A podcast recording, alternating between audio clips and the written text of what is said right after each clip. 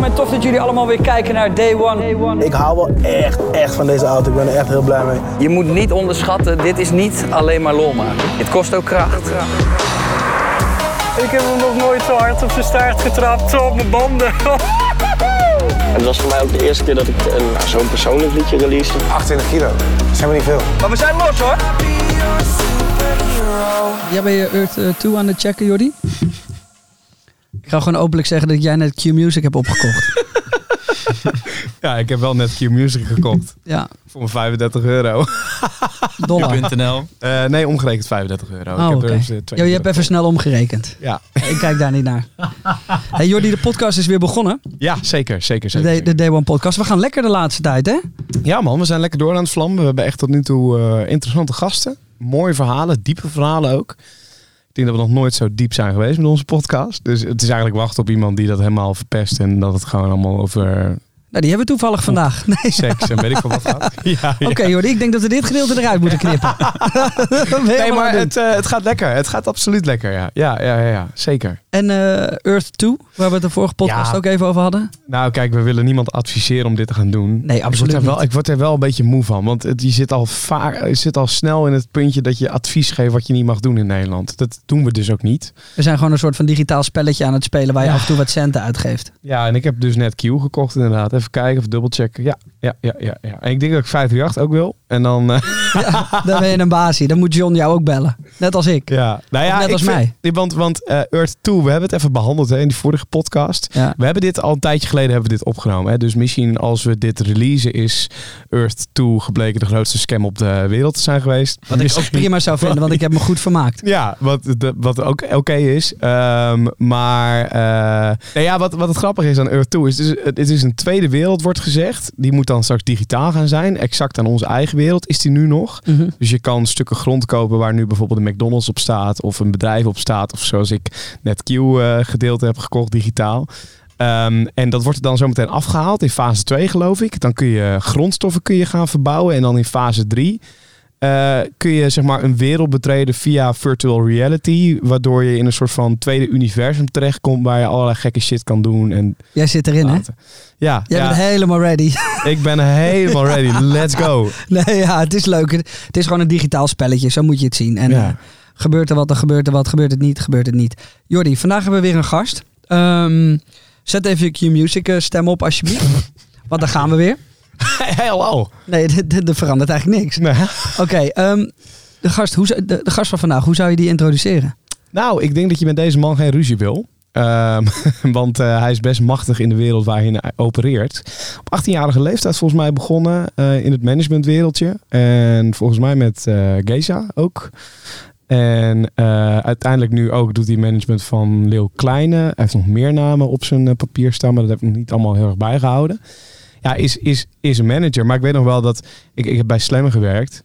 En eh, dan, dan wilden we graag een interview met Leeuw Kleine. Of we wilden iets of zo. En dan kwamen we bij Nathan terecht. En dan, ja, dan kon het ook heel keihard zijn. Nee, gaan we niet doen. Klaar. En dan was het, ja, oh shit, wie gaat Nathan bellen? Weet je, of wie gaat dat fixen? Nou, dan Rens bij ons altijd. Eh, dat, zo ken ik hem eigenlijk. Als een eh, machtig persoon in het wereldje. Maar ook wel iemand om, om naar, eh, ja, tegenop, of tegenop, op een goede manier naar, naar, naar te kijken. Ja, ik denk dat we hem daarom ook hebben uitgenodigd. Nathan, welkom in de Day One podcast. Dankjewel. Ik denk dat de man is waar we veel van, eh, in ieder geval degene die aan het luisteren zijn, veel van kunnen leren.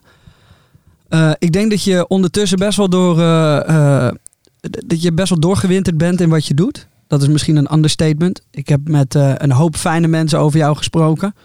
Ik ken je ook al een tijdje. We hebben, zoals je dat net zei, de eerste keer dat ik jou leerde kennen, was ik bijna vergeten. Was in Hilversum in de Rex. Toen was je net eh, volgens mij een paar weken manager van Geza. Dat was de Ja, eerste keer. een week of zo. Ja, dat je. Ja. Dat was de eerste keer dat we elkaar zagen, maar ook dat je, de, ja, manager, wel- wat was het? Was gewoon een vriend die af en toe een beetje hielp. En, eh, Letterlijk. Ja, ik toch? had denk ik letterlijk twee maanden daarvoor gewoon mezelf geprobeerd om naar binnen te lullen bij Geza als een soort verkapte assistent. Maar ik noemde me waarschijnlijk naar jou toe wel al manager, zeg maar. Ja, ja, ja, 100%. maar dat zou ik ook gedaan hebben, vol Ja. trots. Eh, en toen werd je dus een soort van de manager van, eh van Geza Wise. Eh, voor vele eh, mensen, dat is, ehm, eh, die was toen DJ-acteur nog steeds natuurlijk. Ja. En dan begint het balletje een beetje te rollen. Dan begin je steeds meer mensen te leren kennen. Dan ehm, kom ik hoe verder ik in de muziek terechtkom, ook steeds meer een beetje in contact. Je komt, je komt elkaar tegen, je hoort verhalen over elkaar.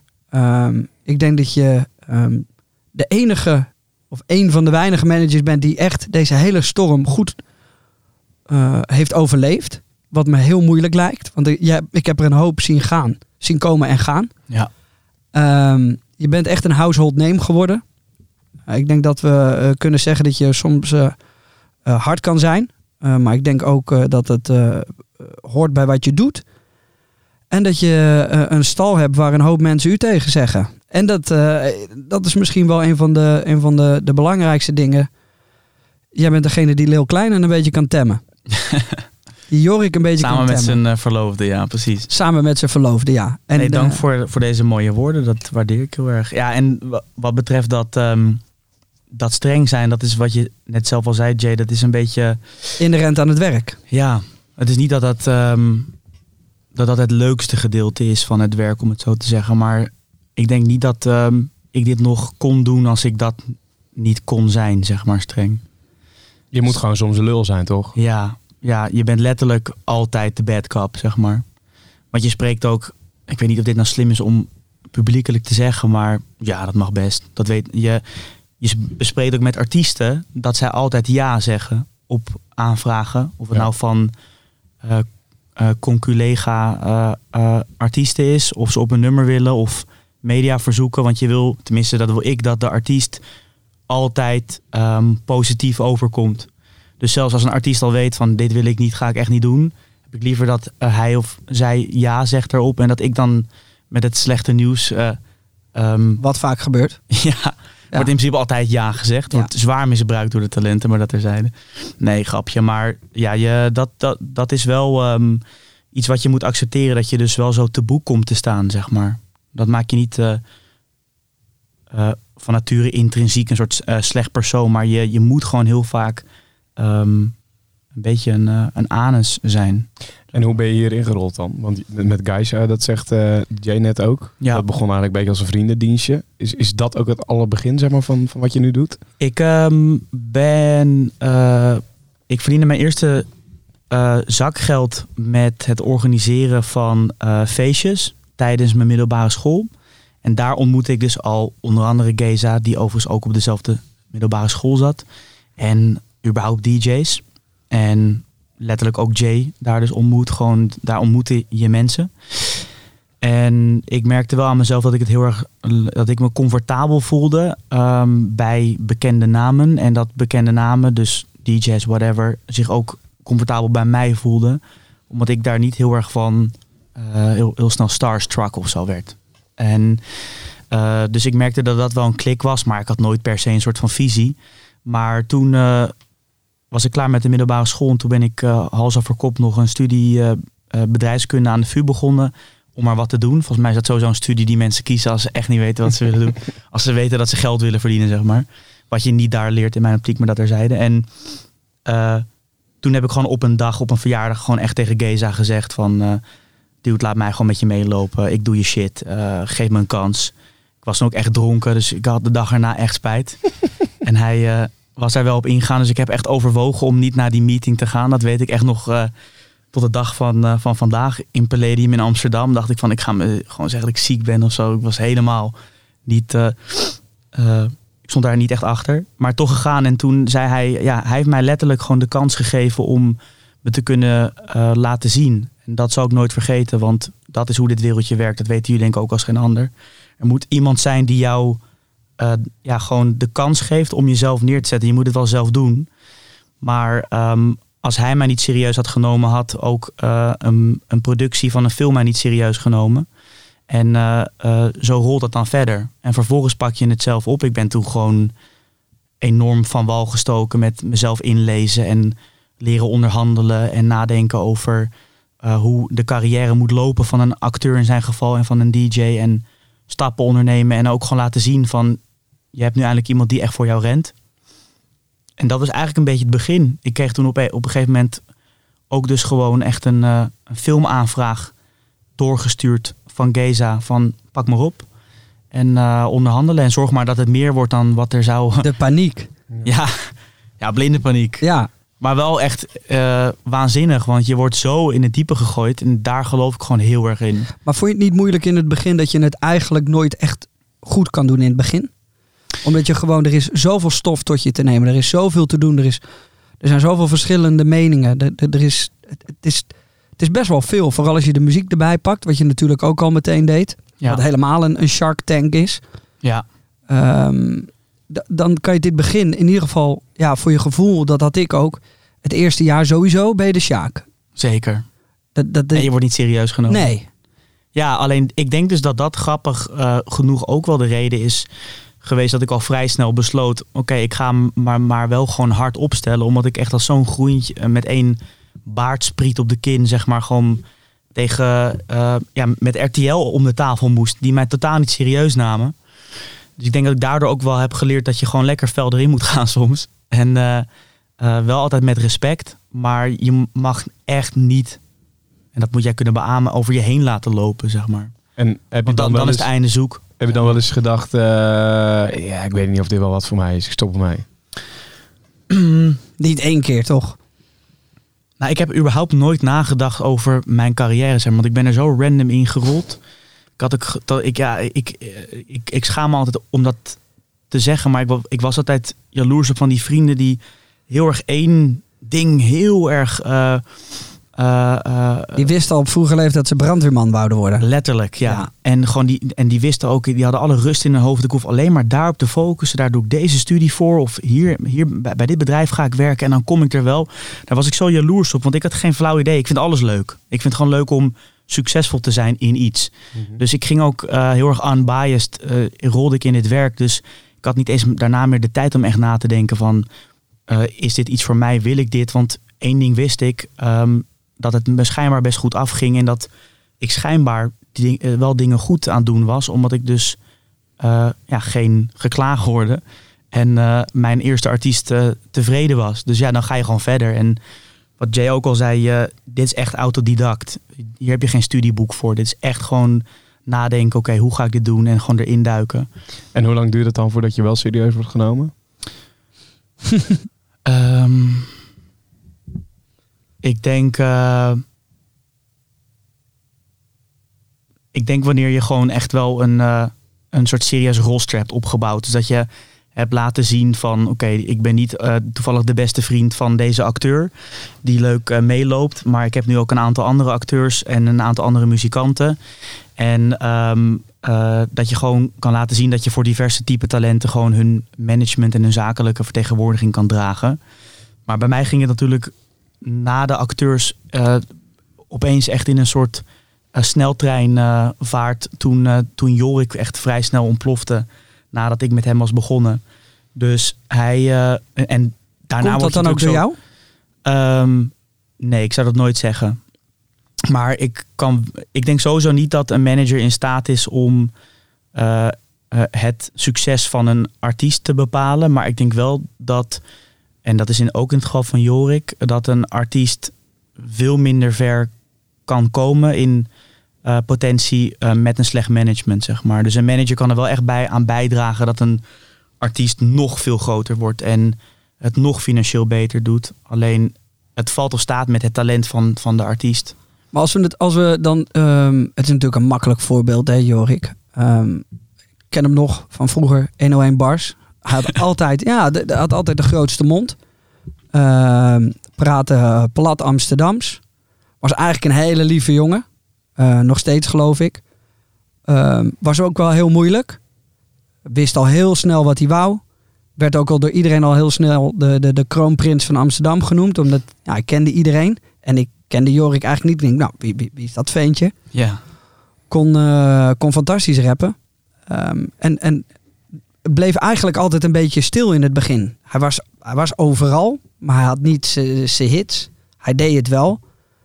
En ehm, volgens mij heeft hij voor jou ook al wel wat mensen... eh, heeft, heeft hij wat versleten. En Qua management bedoel je? ja, volgens mij wel. Hij had één eh, andere manager voor mij en dat was eh, de vrouw van Lange Frans. Dat was het, ja. En eh, Frans die hielp hem op, op muzikaal gebied, zeg maar, als, Mhm. als, als team.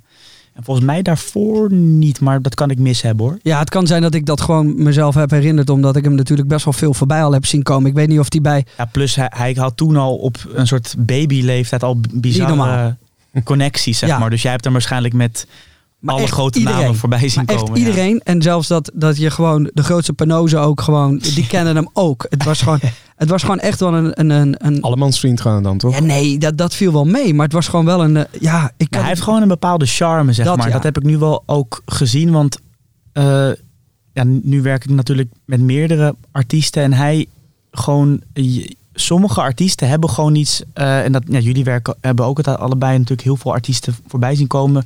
Als die binnenkomen, als die hier zou binnenkomen, dat heeft Jorik heel sterk, dan komt er echt een soort karakter binnen, een energie.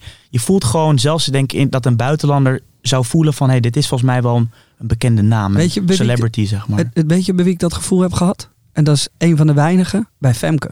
Ja, Ja, het, is, grappig dat je dat zegt. het is heel gek, maar dat is echt zo. Die, die had, ik, kon- ik kon mijn vinger er nooit op leggen waarom. Ja, er komt gewoon iemand binnen. Het, maar het was soort er aura. gewoon. Ja, het, het, het zei niet dat ze heel veel talenten had of iets heel goed kon, maar gewoon als persoon kwam ze binnen en dan wist je gewoon dat ze er was of zo. En Ik had ook altijd zin eh, om, om, om Jork te interviewen. Bij een slam of zo bijvoorbeeld. Of als we hem op een festival hadden staan.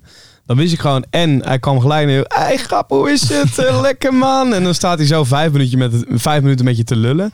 Terwijl ik eh, andere mensen uit de hip-hop industrie soms echt wel tegenop keek om, om die te interviewen. Zeker als, als groentje net bij slam kijkende.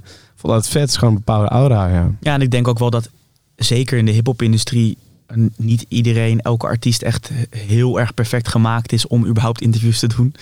En Jorik is natuurlijk wel gewoon wat men ook van hem vindt. Hij is wel echt gewoon super sterk in iemand te woord staan en heel amicaal. En eh, ja, er komt gewoon echt iemand binnen. Dus ik snap op, ik denk op zich dat je wel. Ik had niet verwacht dat je zei dat je er echt dan dat je het echt leuk zou vinden om hem te interviewen. Alleen Ja, echt. want hij kan ook wel heftig uit de hoek komen. Alleen het, je weet in ieder geval dat er een goed gesprek komt. En Ja. dat je het niet, weet gewoon dat dat, het het niet stilvalt. Je weet altijd dat het scoort. Want ja, dat is mijn volgende. We hebben natuurlijk best wel eh, eh, wat veren in zijn reet gestoken. Maar het lijkt me een klootzak om te managen. ja, ja, oprecht. Het lijkt me Ja. Ik, zou, ik, ik vind het als artiest, als ik naar hem kijk, vind ik het geweldig. Ik vind de muziek die hij maakt, vind ik vet. Ehm, ik, ik snap, weet je, als ik dan nu ook kijk, zit hij in Dubai en hoe hij dan met het quote-ding omgaat. En ik, ik, kan daar, ik kan echt genieten van zijn stories. en ik kan genieten van het feit van wat hij doet. ja, maar dat is omdat jij hem kent. Ja, maar ik kan me voorstellen dat als ik hem zou managen aan de achterkant en ik zou moeten adviseren, dat ik hem af en toe een flinke uppercut zou willen geven. Nou ja, ik moet wel in alle eerlijkheid zeggen dat eh, ik ben heel dankbaar dat hij mijn allereerste muzikant is waar ik mee mocht werken. Ehm, want als je hem kan managen, dan kan je echt in mijn optiek iedereen managen. Ja.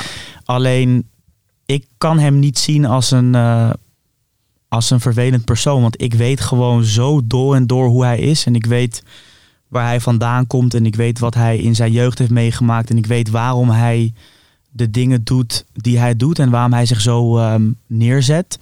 Dat als jij die context hebt. Als iedereen die context in Nederland zou hebben. Maar dat geldt ook voor Boef. En dat geeft die documentaire denk ik van Boef ook wel heel mooi weer. Dan, dan kan je die gasten niet haten, zeg maar. Want, Nee. en nogmaals, ik als persoon, ik zou me nooit zo opstellen openbaar als hij doet. Hè? Alleen daarom ben ik ook gelukkig lekker aan de achterkant veilig en niet in beeld. Alleen ik snap gewoon voor wat hij is en wie hij is en wat hij uitstraalt, dat, ehm, waar dat vandaan komt. En, ehm, maar om je vraag eerlijk te beantwoorden, is hij de makkelijkste om te managen? Hell no. Het is, af en toe een ramp. Maar het is, ehm, ja, wij hebben ook gewoon iets wat, wat ik nooit meer met een andere artiest kan krijgen. Dat is namelijk dat wij het echt samen zijn begonnen. Althans met Geza ook. Maar dat is denk ik anders of zo. Wel- wel- Welk gedeelte van jouw werk is dan het moeilijkste als je naar kijkt? Is dat dan het gedeelte, het, het, het managen van de artiest en daarmee ook de verwachtingen die eengene heeft van zijn of haar carrière of wat jij voor diegene doet? Of is dat de andere kant, zeg maar, het contact hebben met eh, platenmaatschappijen, het contact hebben met eh, andere brands die deals willen of media te woord staan of wat dan ook? Welke van de twee ik lastiger vind? Ja? Ehm, ik vind allebei eigenlijk niet lastig. Maar ik, eh, ik vind deals maken helemaal niet lastig, zeg maar in ieder geval. Want dat is echt gewoon een... eh, Nou, jij wil wat van ons. Dus Ja. dan is het al wat makkelijker, denk ik. Ja. En het komt voor dat het voor de artiest ook heel belangrijk is dat het rondkomt. Maar dat laat je natuurlijk nooit doorschemeren, zeg maar. Nee. Maar dus precies wat jij zegt inderdaad. Dat is wel iets anders. Dat is echt een soort tactisch soort steekspel. Dus als ik dan zou moeten kiezen, zou ik zeggen dat eerste. Dus dat gewoon echt het, het dagelijkse contact met de artiest. En eh, je mag ook, tenminste, ik praat steeds in, in algemene vorm, maar dit is hoe ik erover denk. Ik wil als manager nooit ehm, onzekerheid uitstralen naar een artiest over diens carrière. Want jij bent degene die, zeker in deze COVID-tijden, ehm, het vertrouwen moet uitstralen dat het goed komt. Ook al weet je dat natuurlijk als manager ook niet altijd zeker. Maar dat kan af en toe wel moeilijk zijn, omdat je ook gewoon af en toe, ik ben 27, je wil ook af en toe gewoon tegen een artiest kunnen zeggen van, Jezus, wat een, wat een kuttijd, weet je wel. En, ehm, Ja, want zijn geld is ook jouw geld. Nou ja, zijn, zijn inkomsten zijn ook mijn inkomsten. Mhm. Dus gewoon, het is, het is een soort no cure, no pay. Dus eh, als er 0 euro binnenkomt, dan eh, heb ik eh, een percentage op 0 euro, zeg maar. Maar moet je nog wel je werk doen. Zeker. En ehm, mijn personeel betalen. Ja. Dus ehm, dat, dat is wel echt aardig onzeker. Maar inderdaad, dat zijn dus dingen die ik niet zo heel snel zou bespreken met een artiest. Want wij, wij werken voor hun en zij niet voor ons. Maar ja, dat, eh, dat reageer ik dan thuis afschreeuwend. En dan kom je op En daar ben je het ook niet. Ja, dan eindig je gewoon helemaal alleen. Huilend in je bed. Lekker Earth 2 Herkenbaar. spelen op de bank. Hey, en dan, dan, dan kom je op een punt, hè, dan ben je succesvol in wat je doet. Dan heb je een goed, eh, goed roster onder je. Ehm, hoeveel aanvragen van talenten en, en, en mensen krijg je dan om ook voor hun het, hetzelfde te doen? En ja, hoeveel kun je er toelaten tot je roster? Of hoe gaat zoiets? En wanneer zeg je nee, wanneer zeg je wel ja? Nou, eh, dat is een hele goede vraag. Want dat is wel een beetje het moment waar we nu op zitten. Omdat eh, financieel is natuurlijk echt een rampenjaar. Alleen qua het management aan zich gaat het gewoon eigenlijk heel goed. Want we zijn gewoon, denk ik, sterker dan ooit. En ja, wij werken met artiesten waar ik gewoon echt allemaal gewoon zo trots op ben. Eh, en dat zorgt er wel voor dat je dus niet, je wil niet sneller groeien dan je kan. Zeker in deze tijd is het financieel gewoon heel lastig om überhaupt je team, zeg maar, qua ehm, collega's en personeel, zeg maar, echt heel extreem op te bouwen. Dus we zijn ook wel echt een beetje aan een soort limiet, weet je wel. Wat is dat limiet dan? Ehm, ik heb daar niet een per se een geschreven regel voor. Alleen je wil gewoon kosten wat kost, volledige tijd kunnen eh, bieden en investeren aan alle talenten waar je mee werkt. Dus je, je merkt vanzelf als je denkt van hé, hey, het wordt nu al een beetje te massaal. Dus een management is ook niet echt schaalbaar, denk ik. Het is niet als met een platenlabel dat je na een tijdje gewoon muziek blijft uitbrengen en dat is recurring en, ehm, en artiesten komen en gaan. Je wil gewoon wel zeg maar een eh, kwalitatief hoogstaand management zijn en dat kan niet met 3000 artiesten. Nee, maar dat kan wel met meerdere artiesten, meerdere eh, verdienmodellen eh, verzinnen en, Zeker. en bijhouden, toch? Want die wereld is wel veranderd. Toen jij begon met Geza, toen kon je een, ja, misschien een boekingskantoor erbij doen. Of je deed een beetje in de boekingen en doet een management fee. En tegenwoordig is het toch al best wel 360 aan het worden. En dat is dan niet alleen in een platenlabel deal. Maar ook in, in wat je zou kunnen doen qua merken, qua eigen brand starten, qua dat Zeker soort dingen. weten. Is dat Ja. iets wat er dan ook wat er nu bij komt, waardoor je denkt, nou, we kunnen nu zeggen, dit is het. Want we kunnen het niet in de breedte meer Nou- bijbenen, maar misschien omhoog wel. Kijk, ik persoonlijk ben eh, heel giftig voor 360 deals, omdat ik v- vanuit managementschap, hè, omdat ik gewoon erin geloof dat een manager altijd volledig eh, objectief moet kunnen handelen. Dus ik zou nooit eh, een eigen platenlabel oprichten en eh, iedereen daar soort zelf induwen. Wat bepaalde eh concurrentiemanagements wel eh, eh, hebben gedaan. En ik, dat is ook niet dat ik dat dan ehm, hoe zeg je dat? Dat ik daar eh, iets negatiefs over wil zeggen, maar ik zou het zelf nooit eh, willen doen. Omdat Dus je niet- zou het niet zoals Ali doen. Nou ja, ik, eh, ik weet niet waar je het over hebt, maar... ehm, nee, maar ik, ik persoonlijk zou dat niet doen. Nee. Ik zou niet een platenlabel willen oprichten. En als ik dat zou doen, zou ik niet artiesten daar willen tekenen die ook bij het management bij mij zitten. Omdat ik gewoon vind dat een manager te alle tijd helemaal unbiased moet, moet kunnen kijken naar een situatie. En je kan, ook al zegt men van wel, niet onderhandelen eh, tegen jezelf, zeg maar. zonder ook je, jezelf eh, en de uitkomst daarvan, daarvan in, eh, in acht te nemen, zeg maar. En ik wil gewoon altijd kunnen handelen en kunnen onderhandelen vanuit de, het beste voor de artiest. Dus qua 360 in de muziekindustrie vind ik het lastig. Wat wel heel leuk is, is dat er een enorme independent wave aan de gang is wereldwijd. Kanye West die eh, ging plassen over zijn, eh, wat was het, in een bokaal of zo die hij had gewonnen. En die ging zijn hele contract met Universal online zetten. Ja. En dat vind ik gewoon natuurlijk stiekem als manager wel gewoon geestig. Want je voelt gewoon dat. En wederom, ik heb niks tegen platenlabels. Ik moet elke dag met ze werken. Ik vind dat ze heel goed werk verrichten. Maar het is wel heel fijn dat artiesten ook nu een antwoord hebben om Er is minder niet. juist die, ze, gewoon je, je kan in principe al nou nu, zeker met een management zoals wij die daar echt ook zeg maar in helpen, volledig je eigen rechten behouden en je muziek uitbrengen. En qua marketing het zelf doen, want alles gaat al nu op TikTok en op Instagram. Dus je kan je eigen eh, bereik creëren. Je kan een radioplugger inhuren. Je, een beetje een oké management kan ook gewoon eh, zorgen dat je in de juiste playlist op Spotify terechtkomt. En dan bouw je wel echt zelf wat op. En dat vind ik, als, dat is dan niet 360, maar dat is wel een soort service die wij bieden. Dat wij ook voor independent artiesten. Maar dat is best wel snel gebeurd.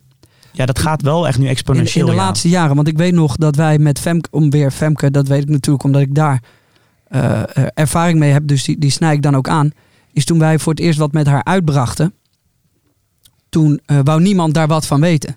Dus toen we haar eerste single op mijn money. Wou, die hebben we overal heen gestuurd van hey willen jullie dit uitbrengen? Ja. Nee. En twee maanden later lagen ze aan je voeten. En, en willen jullie haar eh, tekenen ehm, eh, als, eh, als boekingskantoor? Omdat ja, de- als er straks, want als dit gaat, dan krijgen ze boekingen binnen. Zouden jullie dat willen doen? Nee, nee, we werden overal afgewezen. Dus toen werden wij in de hoek gedrukt. We hadden, Om het maar zelf te gaan doen. dus we hadden op mijn money uitgebracht. En dan hadden we nog niks. Hè? Hadden, we, hadden we het gewoon voor de gein uitgebracht. Dat ontplofte binnen twee dagen zo Ja. verschrikkelijk hard Weet ik nog. Ja, dat we onze eigen eh, dingen moesten gaan opzetten. Want we konden geen kant op. Eh, en dat was, dat was best, wel, best, wel, best wel een ding. Dat je je eigen label moest ineens gaan runnen. Ineens moest je je eigen boekingskantoor proberen staande te houden. Omdat ja, hadden we nog nooit gedaan. In ieder geval eh, Leo niet. Die heeft al, altijd overal zat hij ergens. En ik wist ook niet wat ik aan het doen was. Dus dat was het eerste half jaar was dat een hel. Maar niemand wou ons zelfs nog naar op mijn money niet. Hè? Ja, maar jij geeft hier echt een perfect praktijkvoorbeeld van hoe de industrie werkt. Want besef dat er dus, ik denk dat oprecht wereldwijd 2% van de artiesten met echt groot talent wordt getekend en wordt gescout door een eh, ENR binnen een platenlabel. Dat zijn nog altijd gewoon personen. Hè? Die, die hebben daar, je kan daar nauwelijks voor studeren. Dus iemand op kantoor, op een, eh, bij een be- bepaald platenlabel, gaat gewoon bepalen of iemand het wel of niet gaat doen, zeg maar. Dat is gewoon een persoonlijke mening. En als je dat wegdenkt, dan besef je dat er dus 98% wereldwijd niet wordt gezien. En nou, toen kwam social media op gang. En je hebt dan dus nu wel al zeg maar die playlists die al een beetje ervoor kunnen zorgen dat je zelf daarin terecht kan komen. Maar ik weet zeker dat we gewoon naar een situatie toe gaan over een paar jaar dat gewoon er echt gewoon via socia- social media, TikTok challenges en gewoon ja, een soort eh, platforms die voor iedereen op zijn zolderkamer eh, toegankelijk zijn. Gewoon echt een, ja, gewoon de poorten opengaan van eh, je eigen succes cre- creëren als muzikant. En daar wil ik heel graag op inspringen, want het gaat mij niet om de allergrootste eh, platendeals. Dat is natuurlijk leuk en dat is financieel heel leuk. En, maar ik heb liever dat een artiest dat doet als die al gevestigd is voor een deal waarvan je denkt van... Jezus, dit is gewoon eh, voor je oude dag. En hier kan je gewoon drie huizen van kopen. En dan is het echt, zeg maar, dan is het nog bijna de moeite waard om dus bijvoorbeeld de helft van je rechten weg te geven. Dan dat iemand, eh, wat afgelopen tien jaar is gebeurd, de enige kans heeft op succes door eh, akkoord te gaan met 10% royalty en het overdragen van zijn muziek. En dat er geen andere optie is. Dus ik vind het gewoon als manager voor ja, het fenomeen de muzikant, vind ik dat wel echt een hele bijzondere tijd, zeg maar. En dat is dan wel weer een beetje 360, want dan speel je ook een beetje label service partij als manager. Maar wij hoeven niet eigenaar te zijn van jouw muziek. Wij willen je gewoon helpen succesvol te worden. Hey, Ja. wat, wat dan ook nog een gevaar is nu, zeg maar, wat hier ook een beetje op aansluit. Je hebt tegenwoordig steeds meer mensen die bekend zijn, steeds meer mensen die een bepaalde following online eh, vergaren, die daar geld mee verdienen. Eh, ja, en dan krijg je misschien wel die vriend naar je toe, of die, die, die manager van een vaag label die naar je toe komt en zeggen: Ik wil jouw management wel doen. Wat is daar in het gevaar? Zeg maar, en hoe herken je eh, een, een slecht management voor als er nu van dat soort mensen, want we hebben het heel vaak over Jan Modaal die deze podcast luisteren, maar er zijn ook steeds meer mensen die de podcast luisteren met een Ik, management. je kan het ook eh, omdraaien. Er zijn ook een hoop mensen die denken dat ze een manager nodig hebben. Die vind ik ook, dat vind ik Ja. ook altijd heel Ja, leuk. ja, ook bijvoorbeeld, dus misschien een andere vraag nog inderdaad, vanaf wanneer heb je een management nodig? Maar ja, hoe herken je slecht management en goed management? Ja, Wanneer heeft iemand het wel goed met je voor en wanneer niet? Kijk, alles wat ik zeg is natuurlijk subjectief, hè? Want het staat niet in een boek, het is niet feitelijk eh, aantoonbaar. Het is gewoon mijn mening waar, waar ik En naar leef. ervaring Dat- ook natuurlijk, hè? Ja, ja, maar ik, ja, dat, ik, ik leef en ik handel naar, naar, op basis van mijn eigen Intuïtie. intuïtie. Ja. Ja. En wat eh, ik vind bijvoorbeeld, eh, maar daarmee scheer ik gelijk eh 90% over één kam. Ik vind dat een manager eh, al een fout maakt als hij een, eh, zijn artiest gaat proberen een contract voor te leggen. Dat zou ik bijvoorbeeld nooit doen. Ik zou nooit mijn eigen artiesten tekenen. Dus ik vind managers die werken met contracten, eh, vind ik eh, niet oké. Want ik heb veel liever dat, een, dat je zelf elke dag zo hard moet blijven werken als manager om maar de artiest tevreden te houden. En dat je na een tijdje gewoon een soort van vriendschappelijke band krijgt. En gewoon weet van oké, wij hebben dit gewoon echt samen opgebouwd. Dan dat ehm, een artiest niet weg kan terwijl hij ontevreden is. En jij notabene degene bent die hem moet beschermen tegen papierwerk van buitenaf. En dan heb je wederom die soort gewetenskwestie van voor wie kies je. Weet je wel, net als bij zo'n dat je ook een label gaat starten zelf. Voor wie onderhandel jij? Want ik vind gewoon dat een manager altijd objectief moet zijn. En ehm, ik vind dus dat sowieso dat een manager geen contract moet voorleggen. Daar ben ik gewoon fel op tegen.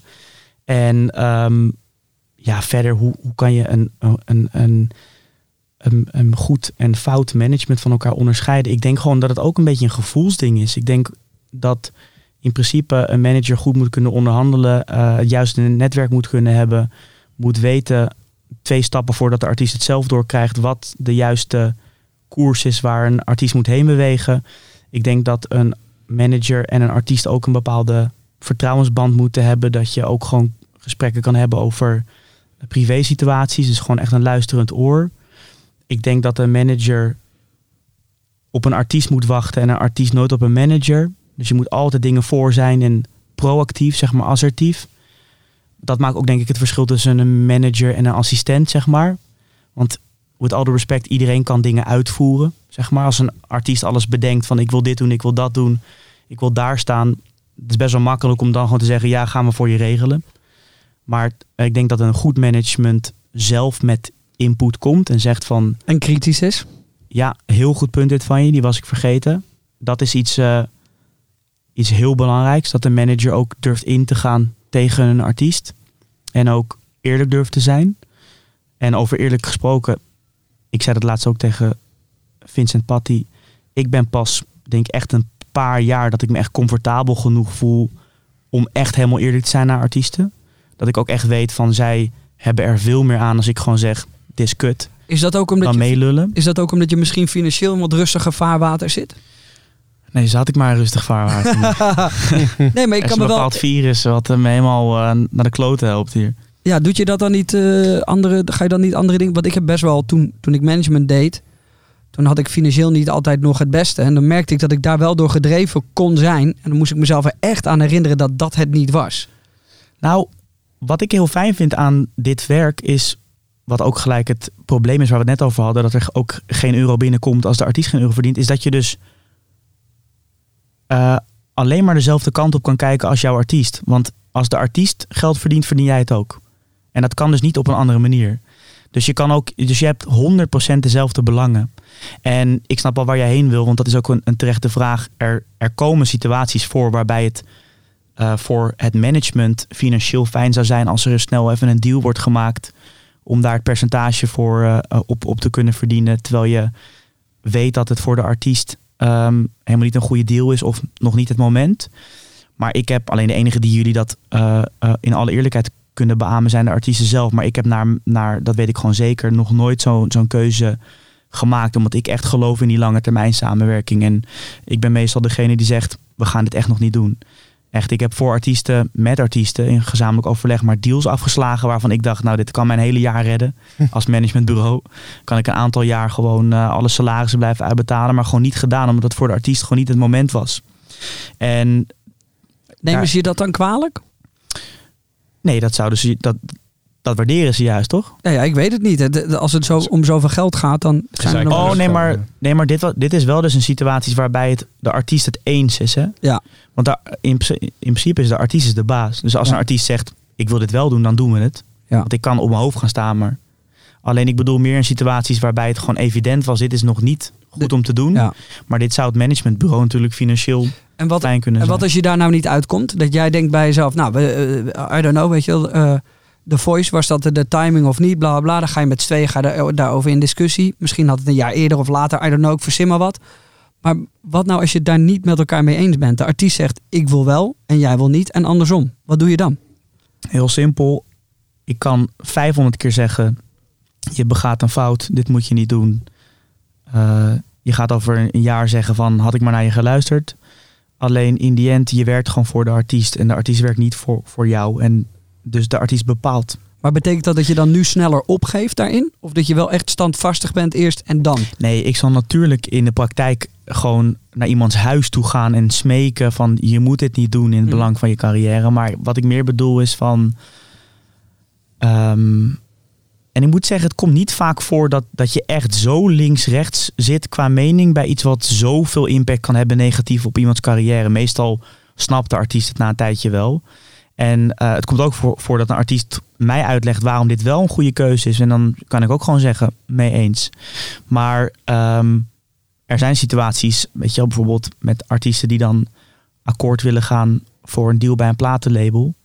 eh, wat gewoon echt geen goede deal is. En waarvan ik weet dat ze, als ze nog even wachten, ze een veel betere deal kunnen krijgen. Maar dat ze toch nog een beetje in de waan zijn van dat ze kunnen zeggen: Ik heb hier getekend. En weet je wel, en dat ze Ja. allemaal denken omdat het zo erg is, zo heilig is geworden en is vermarkt door de jaren heen. Dat, daar ben ik dus zo blij mee dat het nu niet meer aan de gang is. Dat het alleen maar dat je, dat je bent doorgebroken als je bent getekend bij een label. Dat is gewoon niet zo. En ehm, daarvan heb ik wel situaties met artiesten waar ik mee werk die daar eh, bij, bij groot huidig succes nu achterkomen dat dat eh, niet eh, de beste deal was. Maar dan, ja, daar kom je ook alweer uit. Letterlijk en figuurlijk. Als we het hebben over dat het dus steeds makkelijker wordt om dingen uit te brengen, om zelf eh, iets te doen, is dan een management nog wel nodig? Ehm, ja, natuurlijk ga ik er ja op zeggen, maar dat, dat meen ik ook echt. Ja, dat hoop ik. Want een, een manager is, is niet zeg maar zoals bij een platenlabel een partij die, je zo, die jou vertelt dat je alleen maar dit kan doen wanneer je bij diegene tekent. Een manager is gewoon letterlijk wat het woord zegt een regelaar. Dus dat is iemand die alle dingen behind the scenes oppakt voor een artiest. En één ding zal nooit veranderen en dat is dat artiesten eh, creatieve warhoofden zijn. En dat gaan niet opeens ehm, eh, eh, de meest gestructureerde, agenda-beherende planners worden des, des lands. Dus ik denk wel degelijk dat zeg maar de, de wisselwerking tussen een manager en een artiest altijd zal blijven bestaan. Omdat je letterlijk elkaar perfect aanvult. En ehm, ik zeg niet dat een artiest er niet kan komen zonder management. Maar ik denk dat het wel echt heel makkelijk, heel veel makkelijker is. Als je gewoon elke dag op kan staan met de gedachte. Wat ook mijn grote doel als manager is bij artiesten. Dat ze gewoon weten van, ik hoef alleen maar naar de studio te gaan. Te doen waar ik goed in ben. Muziek maken of een rol vertolken of whatsoever. En aan de achterkant is al die stront gewoon geregeld. En ik heb iemand die mij, die mijn financiën bewaakt. Iemand die mij verder helpt zakelijk. Iemand die een soort waakhondfunctie vervult. En ja, ik denk dat dat eh, misschien nog wel meer nodig is als straks eh, platenlabels misschien minder vaak eh, naar voren worden geschoven. En, als, een, als, als een artiest nu zoveel, dat kan ik me ook voorstellen, als een artiest zoveel verdient, dat het gewoon bijna niet meer te managen is. Snap wat ik bedoel? Dat je, er komt op een gegeven moment zoveel centen binnen dat je als manager, bij, moet je 80 man aannemen om het te kunnen draaien. Dat is ook een beetje een ding, toch? Dat, sommigen zijn zo succesvol. Ik denk dat ehm, hoe meer inkomsten bij een artiest, hoe makkelijker te managen. Ja? Ja, want het enige is, het wordt een stuk drukker, want je gaat natuurlijk nieuwe bedrijven starten en nieuwe entiteiten. En er komen eh vastgoedportefeuilles bij. En het wordt allemaal iets complexer qua.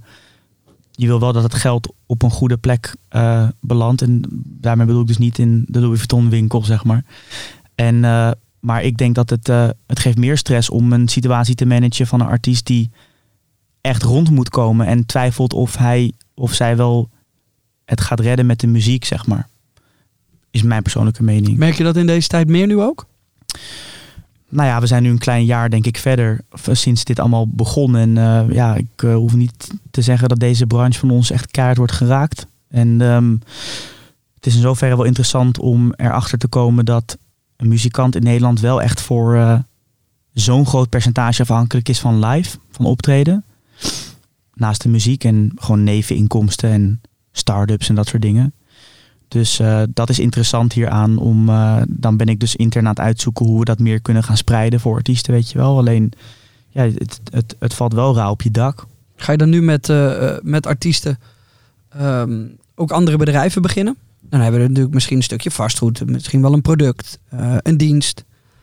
Ja, dat is, ehm, dat is wel wat we daarvoor ook al deden. Ehm, en ehm, nou, bijvoorbeeld Jol, ik zit natuurlijk in diverse dingen, zoals jij weet. En eh, ik vind dat sowieso een primaire taak van mij als manager. Dat als het momentum er is, en daarmee bedoel ik dat er gewoon echt meer wordt verdiend dan nodig is om je vaste lasten van te betalen.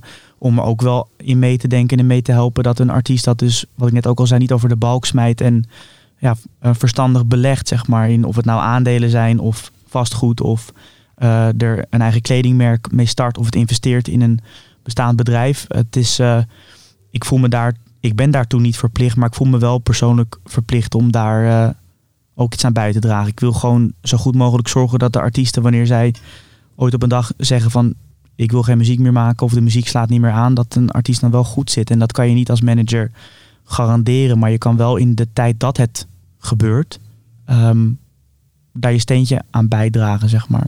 Dus ja, ook in deze tijd om je vraag te beantwoorden, zijn we gewoon bezig met alle artiesten om nieuwe inkomsten te werven. Maar je gaat ook niet nu per se juist een hele sikke start-up beginnen waar eh, al je geld in moet worden geïnvesteerd. Weet je, ik probeer juist ook nu een beetje risicomanagement erop uit te passen. Dus ja, dat is een beetje hold your horses. En nu hebben we het vooral over, over het financiële gedeelte ook wel gehad. Ik ook wel het meetbare succes. eh, maar dan heb je natuurlijk ook nog het mentale gedeelte. Is dat, is dat een deel waar jullie ook aandacht aan besteden? Wat natuurlijk tegenwoordig ook steeds meer bespreekbaar wordt. Weet je wel, hoe voel je je nou eigenlijk echt? En eh, ja, het is kut man, je zit een jaar thuis. Of eh, weet ik veel, je Ja, bent niet meer zo ook- populair of je geen boeking meer gehad. Ja. Of het succes stijgt je naar je hoofd. Weet je wel, let je wel even op dat je rust pakt. Dat soort dingen. Zeker. Ja, en dat is natuurlijk nu in een soort explosie. Want hier voorheen was het gewoon met de artiesten waar het iets minder mee ging. En, eh, en ook artiesten waar het juist extreem goed mee gaat. Zoals jij al terecht opmerkt, die moeten juist ook oppassen. Dat je dus niet daar, eh, ja, inderdaad voetjes op de vloer. Alleen ja, nu zitten we in een soort collectieve ellende met z'n allen, zeg maar. Alle artiesten, inclusief het management zelf, eh, probeert gewoon te overleven, om het zo te zeggen. Dus dat is wel, ja, ik wilde zeggen dat, dat ik nog nooit zo getest was, maar ik denk dat eh, mensen van eh 40 en 50 ook niet zo getest zijn, want we hebben dit nog nooit meegemaakt sinds de Spaanse griep, zeg maar.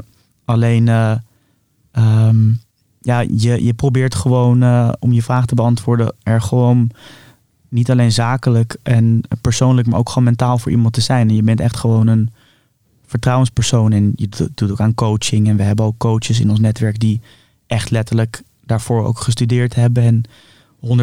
Maar dat was voor COVID ook al zo, zeg maar. En hoe doe je dat zelf?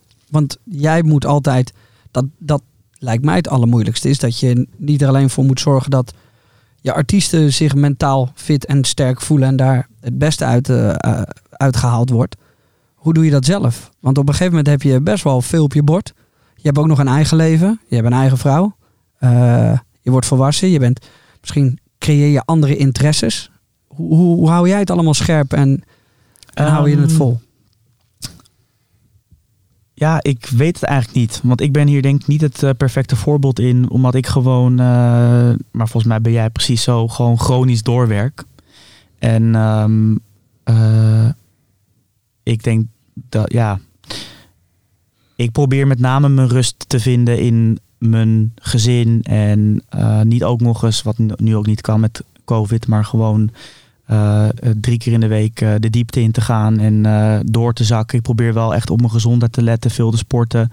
En te zorgen dat ik alles doe wat bijdraagt aan een soort men- mentale blijdschap. Ehm, alleen ik ben, zit ook een beetje in de aard van het beestje. Ik ben gewoon, ik word zeg maar depressief en onrustig als ik niet werk, zeg maar. Dus ik ik wil ook op een zondag lekker mijn mails doen en doorwerken, want daar word ik rustig van. En dat zal ongetwijfeld door alle psychiatoren in het land eh, als eh, iets eh, slechts worden bestikkerd. Maar voor mij werkt dat, zeg maar.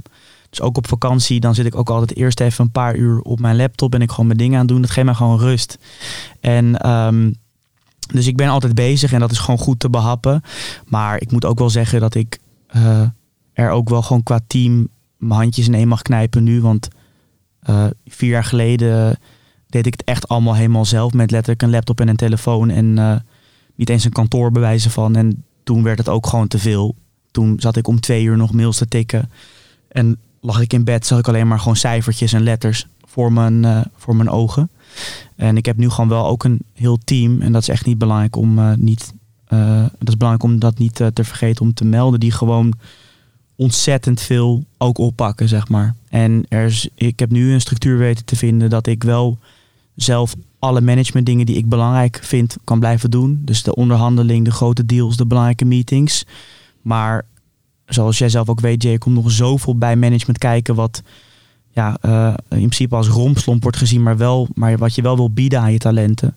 Dus van de meest primaire kleine dingen, van een smoking regelen voor een gala tot aan eh, een Uber bestellen, tot aan dingen printen. Het is zoveel 360 eh, non-stop werk, dat je, ehm, daar heb je gewoon een goed team voor nodig. En dat heb ik, dus dat heel lang antwoord op je vraag. Maar dat, dat zo heeft er wel voor gezorgd dat ik ook wel echt heel erg word ontzorgd dagelijks. Ja, en je hebt nu natuurlijk eh, in de nachten best wel wat rust. Want normaal zijn ze aan het optreden, dan gebeurt er eigenlijk ook altijd wel van alles. Vooral Ja. met zo'n roster als jij hebt. Ja.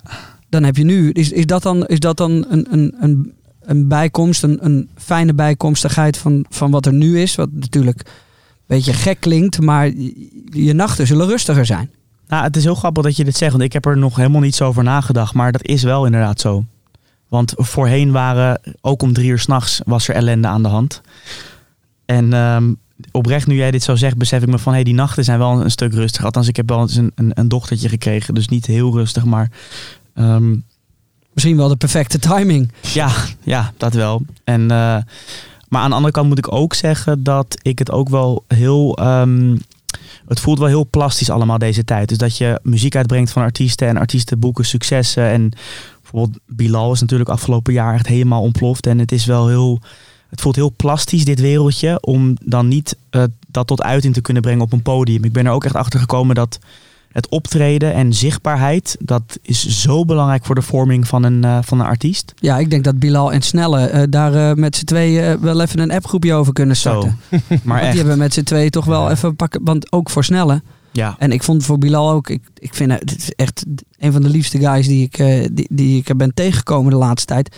Je, die twee gun je het wel om voor volle podia op te treden. En ook gewoon daar flinke centen mee te pakken. En, 100 procent. en dat doen ze beide een, een stuk minder nu. Ja, maar kijk, hoe, hoe, gaan ze, hoe gaat bijvoorbeeld die Bilal daarmee om? Vind je dat moeilijk? nou ja, Bilal is zoals je al zei echt gewoon een waanzinnig bijzonder en eh, leuk ehm, mens. En hij is altijd ook gewoon cool en collected tussen zijn ADHD door. Alleen hij staat er gewoon heel erg open in in de vorm van...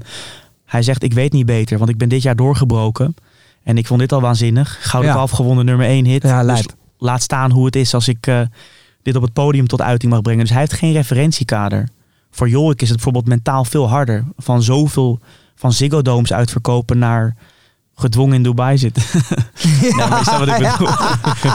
Ja, gedwongen in Dubai zitten en elke avond lekker eten en champagne drinken. ja. nee, klinkt kloten. Nee, maar dat is voor, kijk, en daar kunnen we hard om lachen natuurlijk. Maar ook voor Jorik en eigenlijk voor iedereen die bij jou in de stal zit, die optreedt. En eh, Lars Snel is daar misschien het meeste dupe van. Want die heeft net het staartje meegekregen van wel voor, grote, voor groot publiek optreden. En daarna kapte het. Ja, voor Lars en, eh, en inderdaad voor Bilal en alle andere artiesten die afgelopen twee jaar zijn, eh, zijn doorgebroken, is dit wel is het heel zuur. En het is niet eens per se de financiën, dat zeker. Maar dat, het, het gaat mij erom dat ik merk, in het geval van Bilal, want daar ben ik dus de manager van, dat ehm, je echt iets mist aan Het is trouwens Bilal. Bilal. Bilal. Wahib. Ik Ja. dacht het echt al de hele tijd. Al drie minuten lang dacht ik, is, het is toch Bilal? Ja, maar, dan weet iedereen over wie we het hebben. ja. Als wij de hele tijd de Bilal hier gaan zeggen, dan denkt iedereen, hè? Ja. Maar- je, moet- je moet een beetje die Hollandse eh, Ja. intonatie.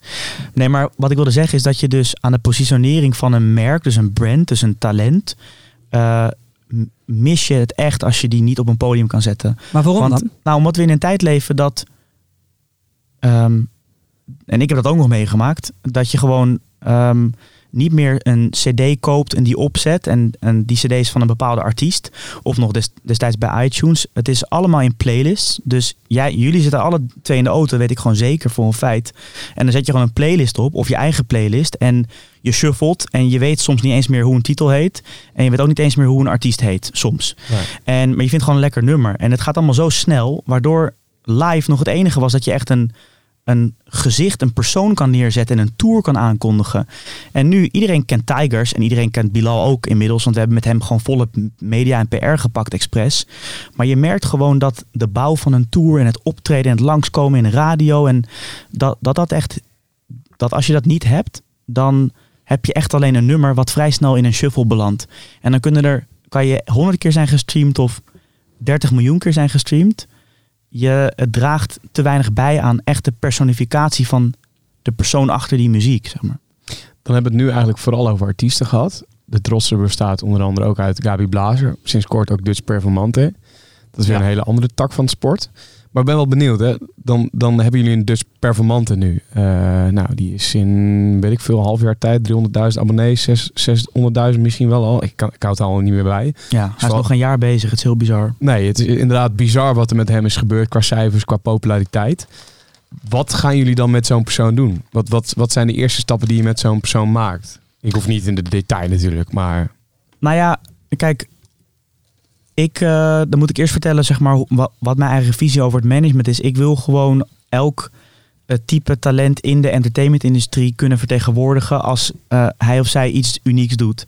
En ik zal nooit alleen eh, met muzikanten werken, ook kan je daar als manager wel meest het creatief ehm, eh, ook zeg maar zelf echt iets toevoegen. Bijvoorbeeld het verschil tussen een acteur en een muzikantmanager is echt 100% eh, anders. Want bij een acteur, een acteur kan al zelf niks doen, want die moet gewoon een rol vertolken. En als agent ben je alleen maar gewoon bezig met een rol binnenhalen en je zegt, nee, de draaidag is niet dit, maar dit. Weet je wel, qua, qua fee. Dus je bent echt beperkt tot het papierwerk. Nou, bij een muzikant heb je heel veel creatieve inspraak, alleen ga je ook niet de muziek maken. En wat ik dus interessant vind bij eh, ja, online makers, om het maar zo te noemen, bijvoorbeeld een Dutch Performante Shade, is dat je daar echt heel erg mee kan denken als manager en creatief wordt geprikkeld, omdat je bij alles betrokken kan zijn. Dus ook de formats. En eh, wil iemand dan ook nu tv gaan pakken? Oké, hoe gaan we dat doen? En ehm, eh, gewoon de hele creatieve brand van een online maker, dat is zo breed. Want, en zeker hij, hij is een soort manusje van alles. Ja, want is hij echt een maker? Dat is wel dat is de vraag. Ja, dat is de vraag. Kijk, dat is ook maar gewoon eh, wat Kijk, een gek erin ziet, zeg Precies, maar. En- buiten het feit dat ik een, een, een zeer sympathieke guy vind. Dat ik hem. Dat ik hem. eh, eh, ik kijk zijn filmpjes wel eens. Het is niet mijn ding, maar ik vind het wel. Ik kan waarderen wat hij doet, die Mr. Beast, Beast eh, stijl. Ik, vind, ik heb ook tegen hem gezegd, ik vind dat dat in Nederland er nog niet is. Dus daar zeker animo voor. En ik denk dat hij daar heel goed in past. Ik vind het wel, ehm, als je zo'n zo'n zaak hebt die zo verschrikkelijk goed loopt. Ik weet niet of ik me dan hierin onder zou dompelen. Dus ik denk dat hij het heel leuk vindt. ja, kijk, het Want is... anders moet je het niet doen. En ik denk dus dat dat het geval is. En als ik hem ken, ja, dan vindt hij dat ook. Dus dan heb ik daar respect voor. Maar is het een talent? Is het een maker? Is het een creator? Wat, wat- hoe zou jij hem omschrijven als manager? Nou ja, dat is eigenlijk precies wat jij zegt. En dat vind ik heel interessant aan hem. Ik weet gewoon voor een feit dat hij oprecht hiermee is. Omdat hij het niet hoeft te doen voor het geld. Ja. Laten we dat, eh, dat kunnen we hier openlijk stellen. En ik heb hem gewoon leren kennen via eh, nou, onze gemeenschappelijke vriend Leo onder andere. En, eh, en, en ook via Jorik. En ik heb gewoon heel veel gesprekken met hem gehad. En het ging helemaal niet over, over management whatsoever. Maar ik vond het zo'n sympathieke, ontzettende stuiterbal. En Ja. gewoon leuke gast. Dat ik dacht van, hé, hey, want ik zag hem ook eerst, dat kan ik hier ook gewoon openlijk zeggen. Dat weet hij ook gewoon als, hè, dat is gewoon een succesvol ondernemer. Gaat hij het dan nu een beetje proberen te maken? Wil hij famous zijn? Dat is niet bij, bij hem. Zijn Instagram-account is gewoon aangemaakt door een vriend van hem. En gewoon kijken wat er gebeurt. Daarom ook de redelijk random naam Dutch Performante, zeg maar. Wij willen dus nu ook wel meer shade naar voren gaan brengen. Maar dat terzijde. En dat is zo ontploft. En dat komt gewoon door iets wat hij dus heeft, een bepaalde energie. We het ook al met Jorik over gehad. eh, wat mij gewoon triggert. En ehm, ongetwijfeld dat mensen het best wel misschien een beetje een, nou in ieder geval een frappante keuze vonden dat ik hem ga managen. Als je kijkt naar, de- naar het andere roster. Nou, dat, dat zou best kunnen. Ik heb alleen maar positieve reacties gehad, maar dat zijn ook mensen die natuurlijk Ja. in mijn gezicht positief reageren. Alleen, Nee, maar ik, sorry dat ik je onderbreek, maar dat, dat vind ik dus niet. Want ik snap wel dat je als manager denkt, hey, het is een ondernemende guy. Hij scoort. Het is leuk om misschien hem als ondernemer te managen in wat hij doet. Want dat zou ook een heel, heel segment kunnen zijn. Nou, ik vind gewoon, eh, ik zie in hem gewoon een, wat ik ook net eh, voordat de mics aangingen zei, ik zie in hem gewoon een verbinder. En Ja. hij is gewoon, en omdat ik weet dat hij oprecht is en het niet doet voor geld, ehm, wil ik daar heel graag mijn steentje aan bijdragen om dat uit te bouwen. Dus hij is gewoon iemand die eh, goede doelen gaat opzetten. Hij is iemand die zich gewoon, die echt gewoon mensen gaat verbinden. Hij moet staan voor werkgelegenheid creëren. En ehm, ik denk gewoon dat daar best wel ruimte voor is in, eh, in Nederland, of in ieder geval in de Benelux, om eh, een beetje die soort Mr. Beast-achtige rol, wat jij terecht opmerkte, gewoon op zich te nemen. En ehm, ja, ik vind het een leuke uitdaging. Gewoon kijken waar iemand die nog geen half jaar bezig is en eh, zo snel groeit en eigenlijk van ondernemer naar bekende naam gaat, van online gezicht, in plaats van vice versa. Van online gezicht naar ondernemer. Eh, kijken wat dat brengt. En ehm, kijken of we daar ook echt een soort van merkstrategie op toe kunnen passen. En ehm, het eerste wat ik natuurlijk met hem wil gaan doen is een beetje specificeren, zeg maar. Dat hij is nu, zijn. Ja, hij, hij pakt nu echt alles op en doet alles en duikt overal in. Maar dat is ook zijn kracht. En ik wil hem daar niet in remmen, maar ik denk dat als, als hij met een duidelijk plan gaat werken, ja, dat hij gewoon echt door het dak gaat, voor zover dat niet al gaat. En ik merk gewoon dat iedereen hem mag, zeg maar. En eh, dat, dat is iets wat je niet kan kopen. Nou ja, ik heb heel graag, eh, ik heb er heel vaak over nagedacht. Dat ik dacht, oké, ik wil hem, ik wil hem heel graag niet leuk vinden. Weet je wel, ja, want hij heeft alles, weet je wel. En dan denk ik, ik wil hem heel graag niet leuk vinden. Dat probeer ik dan ook met echt me heel mijn hart. Maar ik kan het gewoon nee, niet. je vindt dat niet. Nee, ik vind Nee. dat niet. En dat, ga ik, dat kan ik dan wel proberen. Maar som, weet je wel, sommige mensen heb je gewoon dat je ziet en denk je, ja, je bent gewoon een hele positieve guy. En ik gun je gewoon eigenlijk wel alles. Eh, en ik heb dat ook andersom met mensen. Daar, daar zal ik minder open over zijn. Ehm, maar ik vind wel dat, ik vind het, ik vind hem, ik zou hem niet als creator om, omschrijven. Want dat, ik denk niet dat dat het is. Nou ja, wat hij doet is, eh, is dingen maken momenteel online. En of dat nou eh, losse stories zijn op Instagram of formats die eraan gaan komen met, met hem. Als dat uit zijn koker komt en, en hij, hij draagt dat, dan ben je Heeft mijn hij die maker. creativiteit? Ja, Ja? zeker. Ja. Ja, dat ken ik dan niet. Maar dat, Ja. Ja, tuurlijk. Man, anders was hij toch al lang door de... bo- Door, door de ik bedoel, wat hij de afgelopen maanden heeft gedaan, is toch ook alleen maar maken. Hij is Nee. toch ook creatief. Dat kan Nee, toch ja. niet anders? anders Nee, ja, dan... ik, ik snap wel dat je, dat je het ziet als wat hij maakt, dat hij dat doet. Ehm, maar eh eh, Mr. Beast is gewoon eh, één op één eh, gewoon dat doen in Nederland. Hij is ook een creator? weet ik, maar dat is in mijn ogen is iets maken echt van net iets bijzonders wat er nog niet is. Dus tactisch kijken naar wat er nog niet is, tactisch kijken naar hoe je daarmee omgaat, dat vind ik bij hem niet diep erin zitten. Ja, maar kijk, hij doet niet Mr. Beast na. Ik maak die vergelijking omdat we het daar straks over hadden. En omdat Ja. dat iemand is in een ander continent die Mhm. ook eh, veel, dingen, veel dingen weggeeft. En dus eh, dingen terug wil doen, juist. Ja. En, ehm, maar hij heeft juist wel in mijn optiek, de Shahid, een positionering aangenomen hier afgelopen drie kwart jaar die er nog niet was. Ja, eens. Want eh, ik kan hem niet vergelijken met een andere YouTuber. Het is echt een geval apart. Ook omdat het gewoon als persoon een geval apart is. En hij, ik vind het ook al dat je een creator bent als je jezelf op een bepaalde manier neerzet. Waardoor mensen jou herkennen. En ik denk dat hij daar helemaal in zijn eentje zonder hulp van een management echt al zo ver mee is gekomen. Dat als daar een team voor gaat werken, wat wij dus nu gaan doen. Mhm. En je gaat dus wat ik al zei, een beetje oké, ook een paar dingen wegsnijden. En je gaat ook over nieuwe formats nadenken, maar wel met zijn creatieve input. Nou, de, ja, hoe zou je anders een, een maker Nee, ja, misschien, duiden? kan het, misschien is het omdat ik hem nog niet echt in een hokje kan plaatsen. eh, en niet kan omschrijven wat hij maakt en waarvoor hij staat. En ik denk dat jij dat misschien als management nu met hem moet gaan doen. En dat het dan misschien meer wordt, door mij wordt gezien als een, als een creator. Ja, dat, dat ben ik ook wel met je eens. hoor. Want dat is ook waar ik ook met hem over spar. Van dat we dat echt gewoon duidelijk naar voren moeten gaan brengen. Van waar sta je voor? Ja, want als ik het nu zou moeten omschrijven aan mijn ouders, wat hij doet Ja, het is gewoon een en, en wat hij maakt. manetje van alles. Ja, Ja, ja. en dat is, dat is waarvan ik denk, ja, eh, als je dat kan wegsnijden, dus de dingen kan wegsnijden die niet nodig zijn, een duidelijke iets omheen kan creëren, dan is die fantastisch. En Nee, dan- zeker. Maar besef wel dat dat bedenken wij niet voor hem. Hè? Nee, nee, nee. Eh, gewoon, dat komt echt uit zijn koker. Ik Ja. geloof er ook niet in dat. ehm, dat een, een management dat allemaal maar kan moet verzinnen voor iemand, want dat is niet geloofwaardig. Het Nee. moet wel in, in de aard Ja, van het want- beestje zitten. En, Want, want hoe voorkom je, zeg maar, je hebt natuurlijk de ruwe diamant die je net zo lang gaat polijsten totdat een diamant wordt en bam.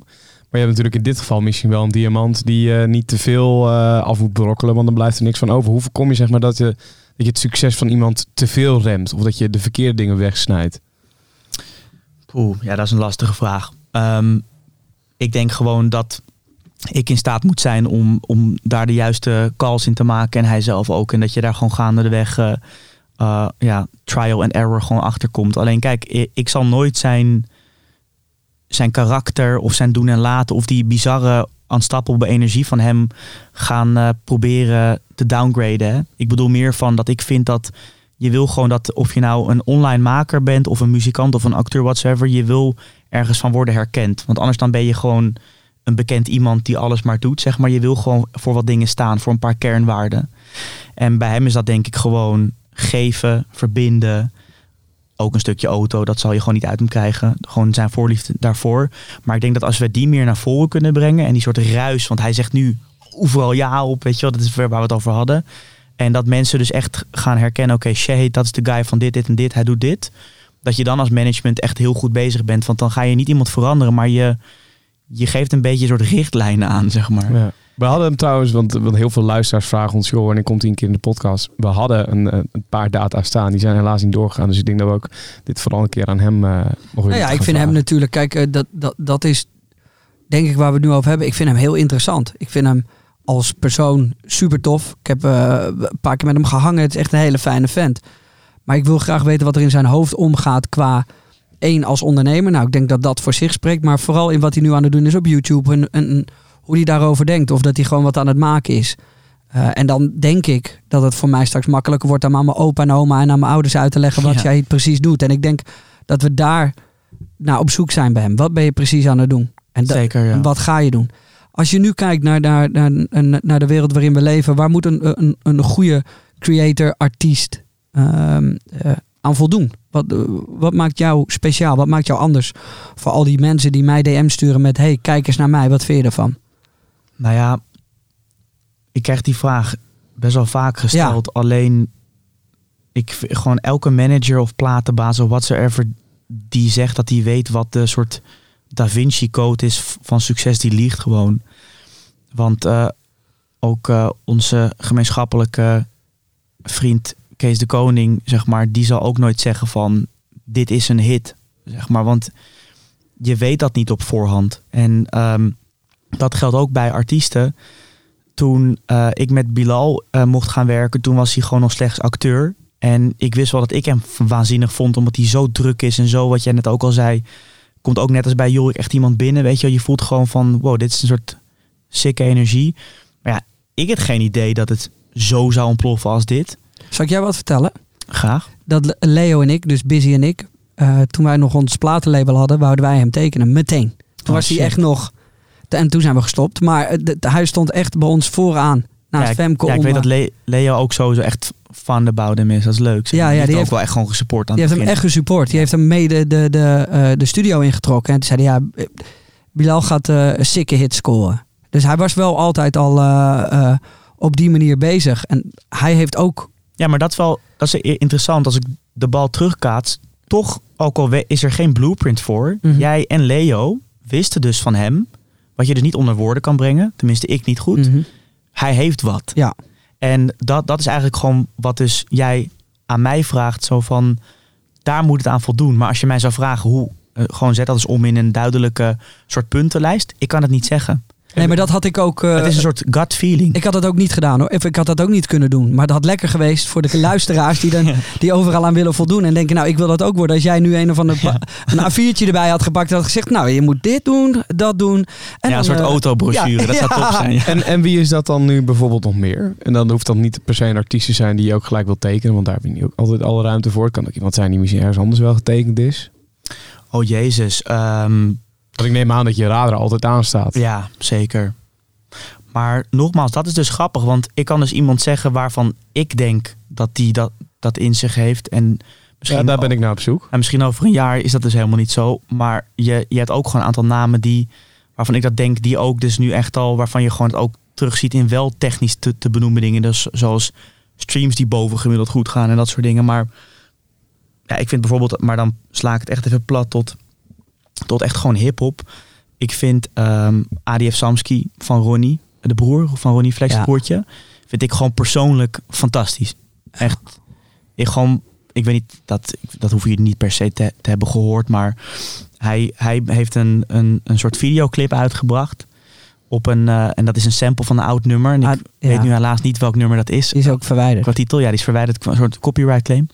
Eh, en dat, dat bedenken en dat doen en dat neerzetten in een videoclip. Terwijl het echt een soort van old school disco sound is. Maar gewoon geloofwaardig en met 25 homies van hem eh, op straat. En eh, gewoon dat dan geloofwaardig neerzetten. Ja, dat is in mijn optiek dus wat Jay en ik onder woorden proberen te brengen wat niet kan. Ja. Dat je gewoon denkt van ja, dat is gewoon een ster, zeg maar. Mhm. Dus eh, dat is bijvoorbeeld als ik iemand, maar nogmaals, er zijn, zijn er duizenden die ik tof vind. Alleen daar denk ik gewoon aan van dat is echt iemand waarvan ik denk van als die de juiste eh, gewoon stappen maakt, dan, want dan breng je iets nieuws.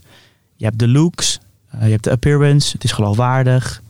Je hebt, eh, je brengt dus iets vernieuwends, zeg maar, niet onbelangrijk in muzieklandschap. En als, als al die, die vakjes worden aangekruist, ja, dan, dan is er wel in combinatie met externe factoren zoals een goed team en dergelijke. ehm, ja, dan, dan is de kans in ieder geval groot dat iemand succesvol wordt. Ik ben maar aan het bedenken wie ik... ehm, wie dat nog meer heeft. Ik kan ook een radio-dj zijn. Ik had er... Nee, ja, ik, zit, ik, zit, ik zit na te denken. Nee, maar bij wie ik dat wel altijd had is Kevin. Goeie. slow. Ja. Waar- waarvan ik in het begin eh, slow, slow flow, dat ik dacht, ehm, ja man, jij, jij hebt wel iets. En ik vind je, ik heb ook vaak wel, ontmoet ik dan iemand en dan kan ik nog bijschaven bij hem niet. Het werd alleen maar beter bij hem. Dat ik dacht, ja, maar jij bent gewoon echt een goede guy. Ja. Ehm, Polska Hij- toch ook eigenlijk wel. Want eh, ook al heeft Polska al een carrière achter zich. Die gaat nu trouwens keihard in Polen ook. Niet Ja. normaal. ja, nou, ja, Polska vind ik minder. ja, maar ik weet dus niet of, zij, of, of hij echt zeg maar die soort. eh, of wij hem met z'n drieën eh, van tevoren, voordat zijn carrière ontplofte, eh, zouden hebben bestempeld als Ik van niet. die is next best. Ik niet. Snap je? Want je hebt ook heel ja. veel succesvolle namen, honderden, die- waarvan niemand het verwachtte. Nee. En wat ik interessant aan een Kevin vind, inderdaad, vind ik een hele goeie. Maar hij doet ook echt zijn naam eer aan. Hij is zo geleidelijk Ja. alleen maar aan het groeien, aan het groeien, aan het groeien muzikaal, zeg maar. Dat is ook tof om te zien. Het hoeft dus niet altijd een sprint te zijn, zeg maar. Weet je bij wie dat ook op latere leeftijd voor mij eh, steeds meer is geworden? Hef. Ja, Gek genoeg. een supergoed voorbeeld. in het begin vond ik, dacht ik, oké, vet. En nu, helemaal nu, en de laatste jaren is het gewoon, ja, is, ook als die binnenkomt, dat ik denk, ja man, dat is hef. Ja, maar hij, hij wordt ook gewoon van nature als een soort van eh, tutor gezien al, zeg maar. Ja. Weet je wel? Gewoon, hij is gewoon die, eh, ook omdat hij vlak wel een aantal maanden voor de New Wave boost was hij er natuurlijk ook wel al. Dus hij zat ook wel perfect in het midden van een beetje de oude hip-hop naar de moderne hip-hop. Dus hij wordt ook door heel veel eh, van die New Wave lichting gezien als een, een beetje een soort vaderrolachtig. Maar hij is precies ook, hij gewoon, hij groeit elk jaar meer qua naam en identiteit. Dus dat is ook vet. Toen hij had met, met een sprint te gaan. Hij is een goede rode wijn. Naarmate Ja. hij ouder wordt, wordt hij beter. Ja, Ja, ik vind dat keihard. Is er iemand die je ooit hebt geprobeerd te tekenen, die je hebt gemist en waarvan je denkt, fuck. ja zeker. Ga ik, ga ik niet doen. Jawel, eentje, kom op. Nee. Jawel. Nee, nee, nee. nee. Nee? Er, Eentje waar je s'nachts nog wakker van ligt. er, er zijn, kijken, ik denk er nu aan eentje. Ja, er, is, er is één, echt ga ik absoluut niet noemen. Ik, ik snap dat dat heel leuk is voor de luisteraar, maar ga ik zeker niet doen. Ja, dat kunnen we in de titel zetten, lul. Nee, maar verzin zelf maar wat en dan zal ik hem gewoon laten staan. Ja? Nee, maar in ieder geval, het, eh, dat is gewoon een, eh, een, eh, een jonge rapper destijds waar ik toen contact mee zocht. Maar ik was toen echt net in dat hele new wave ding met Jorik. Dat was zo heftig. En toen, kwamen, toen, toen schoten ze natuurlijk als paddenstoelen uit, eh, uit de grond. Ja, ja. En eh, ja, eentje vond ik gewoon heel vet nog steeds. En eh, toen heb ik dat gewoon, ben ik gewoon naar later geweest. Dat ik een appje gestuurd. En toen zei diegene, ja is goed. En toen heb ik het gewoon echt een maand niet geantwoord. Super lekking. Ja. Hoort ook bij ontwikkeling. Ja. Zorg in ieder geval voor dat je dat nooit meer laat gebeuren. Nu stuur ik gewoon 35.000 appjes per dag. Dat jij Ali B gewoon gemist hebt, hè? dat had zo hard Wat geweest. bizar dat jullie dit konden raden in één keer. Dat echt, ja, dat was vlak voor uh, Mokro Ja, dat dacht ik al. ik was toen zes namelijk. ja, maar dat, is, dat, dat zijn wel de, natuurlijk... En de, dat is er nog eentje waar je af en toe wakker van ligt. Die, uh, die, die je gaat ons echt niet vertellen, hè? Of wel? Nee, want het, het is, is niet, niet chic of zo, denk okay. ik. Nee, ik weet niet. Dat, uh, Zonde. Daar win ik niks mee. Ik vertel het je wel na als dan Mike's uitgaan. Maar dan ga je het niet in de titel zetten trouwens. Nee, nee, nee, nee absoluut niet. Okay. Nee, nee, nee, nee, want dat mag niet. Hey, um, hoe ziet de toekomst eruit? We hebben natuurlijk COVID, het management. Uh, hoe, hoe, wat doe je over vijf jaar? Ben je dan meer een, uh, een, een, een, een, een hulp bij het opzetten van bedrijven en, en, en het leiden van bedrijven? Want alle artiesten worden nu meer bedrijven dan dat ze uh, artiest zijn. Ja, mooi verwoord. Dat is ook echt zo. Ja, dat is... Um grappig dat je dat zegt, want dat is wel een beetje wat ik, als, ik, als je het aan mij persoonlijk vraagt, hoe ik dat voor ogen heb. Uh, want na een tijdje staat het management gewoon. En ik hoop wel dat het ooit op poten kan blijven staan.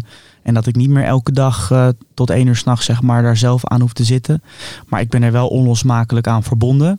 Niet omdat ik dat zelf wil, maar dat is gewoon in een persoonlijke relatie die artiest en management hebben. Nogmaals, het is niet als bij een platenlabel dat je gewoon wordt getekend door echt het bedrijf. Maar ik moet me hier gewoon... Uh, ja, de artiesten verlangen ook gewoon mijn eigen participatie nog. Uh, maar ik hoop wel dat ik steeds meer dat het, dat het bedrijf ook echt een bedrijf wordt. Het management. En dat ik dus ook meer tijd overhoud om echt door te ondernemen met de artiesten waar ik mee werk. En toffe bedrijven voor ze op te zetten. En de ene keer doe ik mee, de andere keer doe ik niet mee. Maar gewoon, uh, ik merk wel dat uh, in die soort. Hebben jullie de Defiant Ones gezien? Ja, tuurlijk. Ja, dat soort echt mijn soort bijbel. Ja. Uh, Torah, in mijn geval Torah. En um, dat, uh, ik vind dat zo vet hoe Dre en Jimmy Iovine dat hebben gedaan als gewoon vrienden, zakenpartners, echt doorrollen naar gewoon samen ja, entiteiten creëren. Dat is, uh, en daar komt ook dat wat ik aan het begin zei qua management en, en artiest, die samenwerking weer het best naar voren. Want ook daar is creativiteit nodig en zakelijkheid. En als twee personen dat dus kunnen bieden in de vorm van een artiest met creatief inzicht en een manager met zakelijk inzicht, dan kan je heel veel toffe bedrijven opstarten. Dus dat is een beetje de, de visie over vijf jaar. Maar misschien dat ik wel gewoon uh, als stagiaire voor jullie werk over vijf jaar als het zo doorgaat. Dat zou ik wel keihard vinden. dat gaat gebeuren. 100%. 100%. Luister, ik zweer het als ik ooit miljardair word.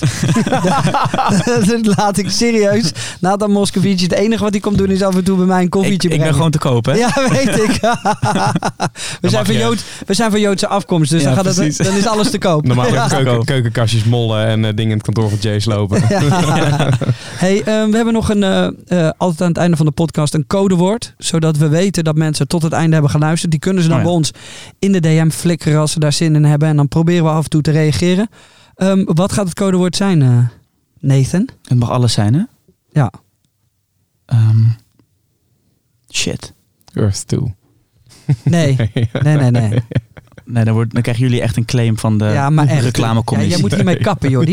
Zeg even sorry. Sorry. Oké. Okay. Zeg even niet Earth 2. Ja. Nee, niet. Um, het, uh, het woord wordt, uh, dat is wel dubbelzinnig. Dat refereert natuurlijk ook een beetje naar Jorik, wordt klenen. Klenen. Dus kleine zonder i. Ja, dus K-L-E-N-E. Klenen. Ja. Oké, okay, Weet jij zeker voor. dat je de laatste 10 seconden niet nog even een dropje in je mond wil stoppen, Jay? Uh... Nee, nee, ik heb dat ding alweer bijna helemaal opgegeten. Ik kan niet stoppen. Ik kan niet mooi. stoppen. Uh, doe jij hem even op je radio manier afsluiten en uh, wat moeten de mensen doen, Jordi? Even volgen op Spotify en dan even op uh, Apple Podcast. Vijf sterretjes achterlaten, even recensie erbij, reactie. Wat wil je nog meer horen, zien? Welke mensen moeten nog langskomen? Dat.